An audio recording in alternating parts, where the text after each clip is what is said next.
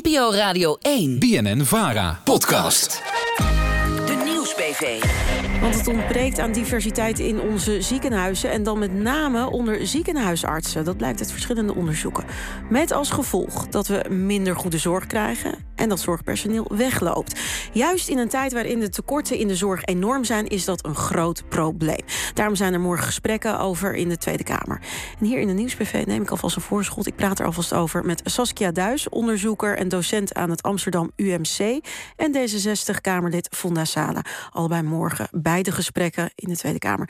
Fonda Sala, u heeft het uh, ronde tafelgesprek van morgen over diversiteit in de zorg geïnitieerd. Hè? Wa waarom vindt u dit zo belangrijk? Nou ja, voor D66 is, het, uh, is zowel het recht op zorg als uh, de kwaliteit van zorg ontzettend belangrijk. Mm -hmm. En we zien dat dat nu nog niet uh, goed geregeld is. En we horen ook dat het nog niet voor iedereen nou ja, toegankelijk is. En, en, en daarom hebben wij voor morgen een ronde tafelgesprek georganiseerd. we zien dat Ernst Kuipers met het werkveld wel afspraken heeft gemaakt in het integraal zorgakkoord. Mm -hmm. Over de zorg betaalbaar houden. Minister, ja. Klopt. En minister Connie Helder, die, nou, die, die, die vindt uh, inclusieve zorg uh, ook belangrijk. Maar we missen de, de urgentie. En daarom uh, hebben we er zelf een ronde tafel voor ge georganiseerd. Want we merken nu nog steeds dat de zorg eigenlijk nog wel ingericht is op de, nou ja, de witte man van middelbare leeftijd. De, de, alleen de witte man van middelbare leeftijd. Daar is de zorg op ingericht. Dat, dat, dat moet u even uitleggen. Nou ja, over het algemeen is het nu zo dat we, we zijn een diverse samenleving. Nou, ik denk dat Saskia dat straks iets beter kan uitleggen. Maar mm -hmm. we horen dat nou, de, de zorg vooral ingericht is op de, op de, de witte middelbare man. Mijn collega Wieke Paulusma maakt zich bijvoorbeeld ook hard voor ja, gendersensitieve zorg. En zo zijn er nog meer, meer voorbeelden. voorbeelden. Nou, laten, we, laten we even naar die voorbeelden gaan dan. Saskia Duis, want u doet onderzoek naar diversiteit in de zorg. Als we het dus hebben over gebrek aan diversiteit bij zorgpersoneel, waar moet ik dan precies aan denken? Ja, goede vraag. Ik um, uh, ben zelf onderzoeker binnen het ziekenhuis en heb onderzoek, onderzoek gedaan in de ouderenzorg. Mm -hmm. uh, en in dat onder, onderzoek zie je eigenlijk dat heel veel medewerkers in de ouderenzorg zijn van kleur of hebben een migratieachtergrond. Dus dat zijn eigenlijk hele diverse organisaties, maar niet zo inclusief zou je kunnen zeggen. Ah, wa waarom niet? Want ik zou denken van dat zit wel goed dan. Uh, zeker na, omdat ik denk uh, dat er van oudsher heel weinig aandacht is geweest voor diversiteit uh, binnen ouderenzorgorganisaties. Dat is echt wel heel erg aan het veranderen de afgelopen jaren. We zijn denk ik ook heel erkentelijk aan bijvoorbeeld Black Lives Matter, die dat in de zorgsector op de agenda heeft gezegd. Dus je ziet eigenlijk steeds meer initiatieven ontstaan mm. om ook inclusiviteit op de werkvloer. en wat, wat, wat, moet ik verstaan onder inclusiviteit dan op de werkvloer? Nou, ik denk een belangrijke bevinding in ons onderzoek is dat veel medewerkers te maken hebben met racisme van cliënten, maar ook binnen teams. Uh, soms van leidinggevende gebrek aan diversiteit in de top. Hè, dus ook zelfs uh, bestuurders, mm. managementlagen nog veelal wit. Uh, en in mijn onderzoek bleek bijvoorbeeld dat racisme en discriminatie een reden is om de zorg te verlaten. Uh, uh, en ook gewoon heel veel impact heeft op je werkplezier in de zorg. Mm. Ja. En, en dus, want, want u heeft het over kleur. Uh, gaat het dan ook om over religie, achtergrond, regio waar je vandaan komt? Of is het puur een kleurding? Nou, ik denk dat alle aspecten van diversiteit meewegen ja. daarin. Um, uh, een term als intersectionaliteit, dus dat kruispunt denken dat niet alleen uh, het gaat over migratieachtergrond of je huidkleur, maar ook gender, uh, klasse, sociaal-economische status spelen allemaal mee, om zeggen, in hoe, mm. ja, wie jij bent en hoe je op je werk bejegend wordt. Ja, ja u noemde net al um, de, de, de, dat mensen weglopen, dus eigenlijk. zorgpersoneel dus echt zegt van, nou ja, dit is dan niet mijn plek. Kunt u nog meer concrete voorbeelden geven van de gevolgen hiervan? Ja, ik denk dat er, er zijn de afgelopen jaar veel onderzoeken uh, verschenen. Ook bijvoorbeeld binnen de ziekenhuiszorg. Wij doen daar zelf als de afdeling ook al jaren onderzoek naar. Uh, en je ziet bijvoorbeeld uit onderzoek van uh, Lianne Mulder... dat de kans om aangenomen te worden... bijvoorbeeld voor de geneeskundeopleiding al lager is... als je uh, niet ouders hebt die al in de zorgsector werken, of als je een migratieachtergrond hebt, of als je uit een lagere sociale klasse komt. Je ziet bijvoorbeeld uh, ander onderzoek, wat ook afgelopen jaar verscheen van Chantal van Andel, uh, Erasmus Universiteit, dat op het moment dat je dan in de opleiding zit, je kooschappen gaat lopen. studenten van kleur structureel lager beoordeeld worden. We weten uit onderzoek dat op het moment dat mensen gaan solliciteren. Um, voor een opleidingsplek als specialist. Hè, dus wat je nodig hebt om uiteindelijk uh, als dokter in het ziekenhuis te werken als specialist. Dat, dat mensen met een migratieachtergrond of van kleur minder kans hebben om aangenomen te worden. Mhm. zelfs al zijn ze beter gespecialiseerd. Nou ja, dus dat is eigenlijk over de hele linie. Maar waar komt dan dat gebeurt. Ja, waar komt dat dan door? Is dat een cultuur of is dat een, een blinde vlek of is het gewoon onwil? Eh, nou, wat je ziet eigenlijk, ehm, eh, en dat heeft een collega van mij heel mooi beschreven in haar promotieonderzoek naar diversiteit in de uh, ziekenhuissector, dat er gewoon een soort norm bestaat over wat we professioneel vinden. En mijn collega Oesha, met wie ik heel veel onderzoek doe, zij is verzorgende. Ze zegt ja, heel veel collega's hebben het gevoel dat ze op hun werk wit moeten doen wit uh, moeten doen? Wat is dat? Nou ja, dus er is uh, um, medewerkers van kleur, uh, studenten van kleur hebben het gevoel dat zij minder snel als professioneel gezien worden, beoordeeld wordt. En dat blijkt dus ook wel uit al die onderzoeken dan hun witte collega's. Aha. wanneer kwam deze problematiek bij u op de radar, mevrouw Sala? Nou ja, het, het, uh, op dit moment maakt het nog steeds uit uh, wie je bent, waar je geboren bent en uh, waar, waar je huis staat in principe. Ik kom zelf ook uit een wijk waar de levensverwachtingen lager zijn dan in andere wijken. En ik zie dat het misgaat. Ik, nou, wat, wat, wat Saskia zegt, we zien mensen de zorg uit, uitgaan. Mm -hmm. En we hebben al die mensen die hebben we nodig. dus mensen die nu de zorg verlaten, dat vinden we, vinden, we, vinden we zonde. We hebben alle handen aan het bed hebben we nodig. We hebben een groot tekort inderdaad. Ja. Zeker, we hebben een groot tekort. En we zien inderdaad dat uh, de dames die, die Saskia net noemde, die zijn er morgen ook. En, mm -hmm. uh, en daarom willen we juist ook gaan kijken wat zijn nou oplossingen om voor te zorgen dat we deze mensen binnenboord houden. Dat we nou ja, divers gaan denken en inclusief gaan handelen. Nou, binnenboord houden, mevrouw Duis, dat, dat betekent dat op de opleidingen dat het wel goed divers is vertegenwoordigd?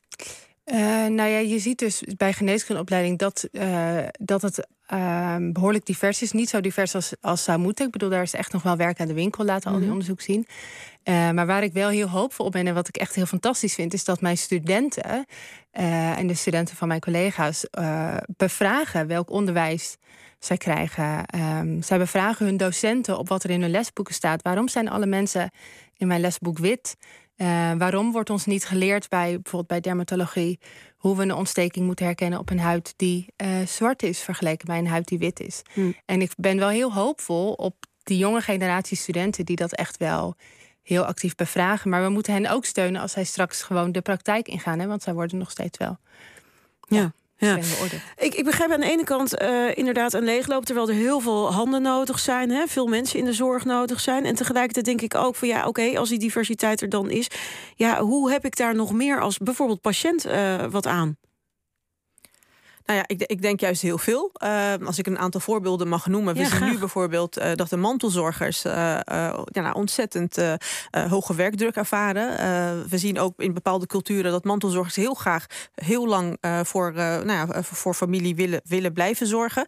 Soms zo lang dat ze eigenlijk veel te laat aan de bel trekken. En zelfs dan ook eigenlijk helemaal zelf een, een zorgvraag hebben. Mhm. -hmm. dus we zien daar de, de, de, de, de zorgkosten juist stijgen. Maar als we kijken bijvoorbeeld naar een diabetes patiënt die uh, niet goed begrepen wordt en die zes keer uh, per maand bij de huisarts uh, aankomt kloppen met, met duizeligheidsproblemen. terwijl je in sommige steden ziet dat daar bijvoorbeeld een diabetesverpleegkundige juist inzet op leefstijlpreventie, bewegen, de juiste voeding en daardoor ook weer de zorgkosten laag houdt. en zo de dagbesteding in een verpleeghuis waar iemand heel graag aan deel wil nemen, maar waar je alleen kan kiezen tussen bingo spelen en klaar voor jassen. Wat in sommige culturen nou ja, niet is aangeleerd. En waardoor iemand uh, nou ja, uh, vereenzaamt, verpietert. En ook weer die zorgkosten de pan uitreizen. Ik zie daar echt oplossingen in. Uh, als het zo doorgaat, dan hebben we straks één op de drie mensen nodig in de zorg. Nou, dat, dat, dat, dat is gewoon heel erg veel geld. Mm -hmm. En juist door preventief en efficiënt de, de zorg goed aan te bieden.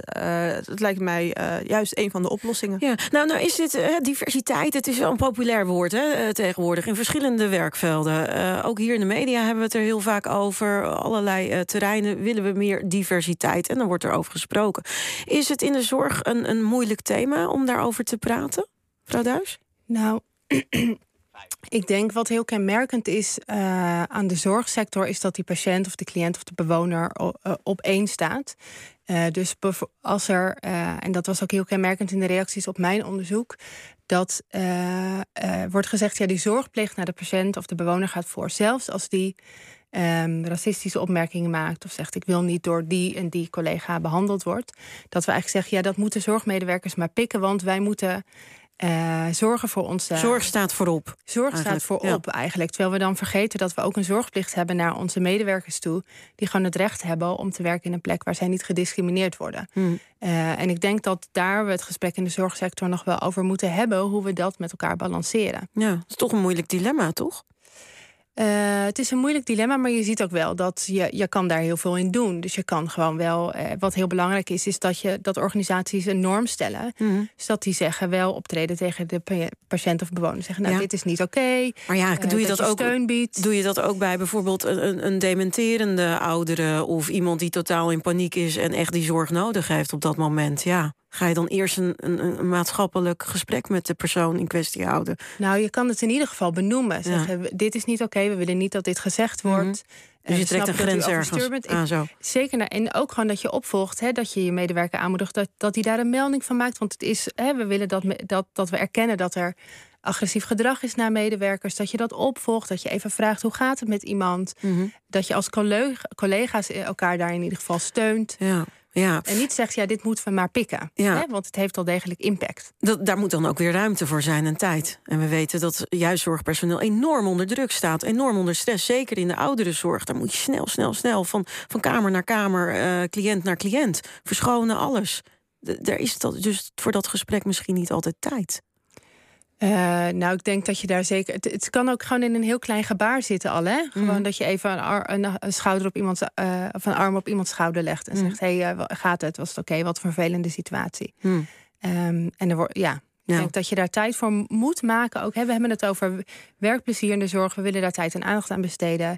Dit moet daar onderdeel van zijn. Mevrouw Sana, morgen uh, is dus dat ronde tafelgesprek. Uh, Allerlei experts uit uh, de zorg komen dan samen, gaan zich buigen over het diversiteitsvraagstuk. Wat hoopt u uiteindelijk dat hieruit gaat komen? Nou ja, allereerst ben ik heel blij dat D66 dit in ieder geval hoog op de politieke agenda heeft weten te zetten.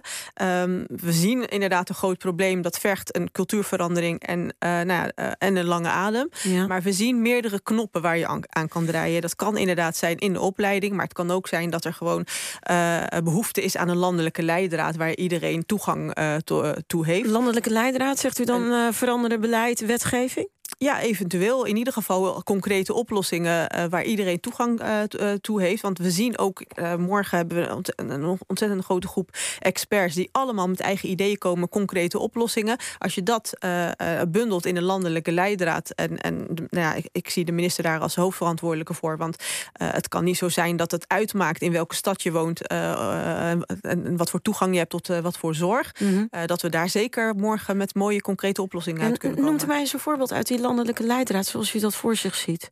Nou, we zien nu bijvoorbeeld in, in bepaalde steden dat ze de dagbesteding op een uh, bepaalde manier wel uh, inrichten, zodat, zodat het echt wel gericht is op, uh, op, op de patiënt. -huh. Maar ook bijvoorbeeld iemand die dementerende is, de manier waarop je die onderzoeken doet. als je niet gewend bent dat je in, in, in je jeugd hebt getekend en driehoekjes kan tekenen, -huh. dan moet je iemand ook niet vragen om een driehoek te dus, tekenen om te kijken of die wel of niet in de war is. Dus andere protocollen eigenlijk, of een uitbreiding van protocollen. Ziet u dat zitten, mevrouw Duis?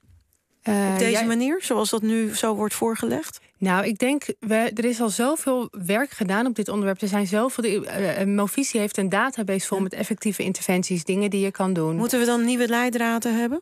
Uh, nou, ik denk wel zeker dat voor de mensen die met dit onderwerp bezig zijn, uh, het heel vaak nog best wel een gevecht is om dit onderwerp op de agenda te houden. Mm. Uh, en de minister zegt nu, ja, we laten het aan het werkveld over. Maar ik geloof dat er echt wel meer steun kan zijn voor al die mensen die met dit onderwerp bezig zijn. En dat een minister die zegt, ja. Uh, die daar stelling in neemt en zegt: Dit is iets wat we belangrijk vinden. We hebben hier een wettelijke verplichting toe op basis van artikel 1. Mm -hmm. um, uh, organisaties moeten hiermee aan de slag gaan. Dat geeft gewoon steun voor al die dingen, als inderdaad um, diversiteitssensitief onderwijs. Uh, en de zorg uiteindelijk. Zorg, ja. de zorgkosten. Ja. We gaan gewoon kijken wat er uit, uh, uit dat ronde tafelgesprek uiteindelijk gaat komen. Ik wil u heel veel succes wensen morgen en u bedanken. D66-Kamerlid Fonda Sala en Saskia Duis, onderzoeker en docent aan het Amsterdam UMC.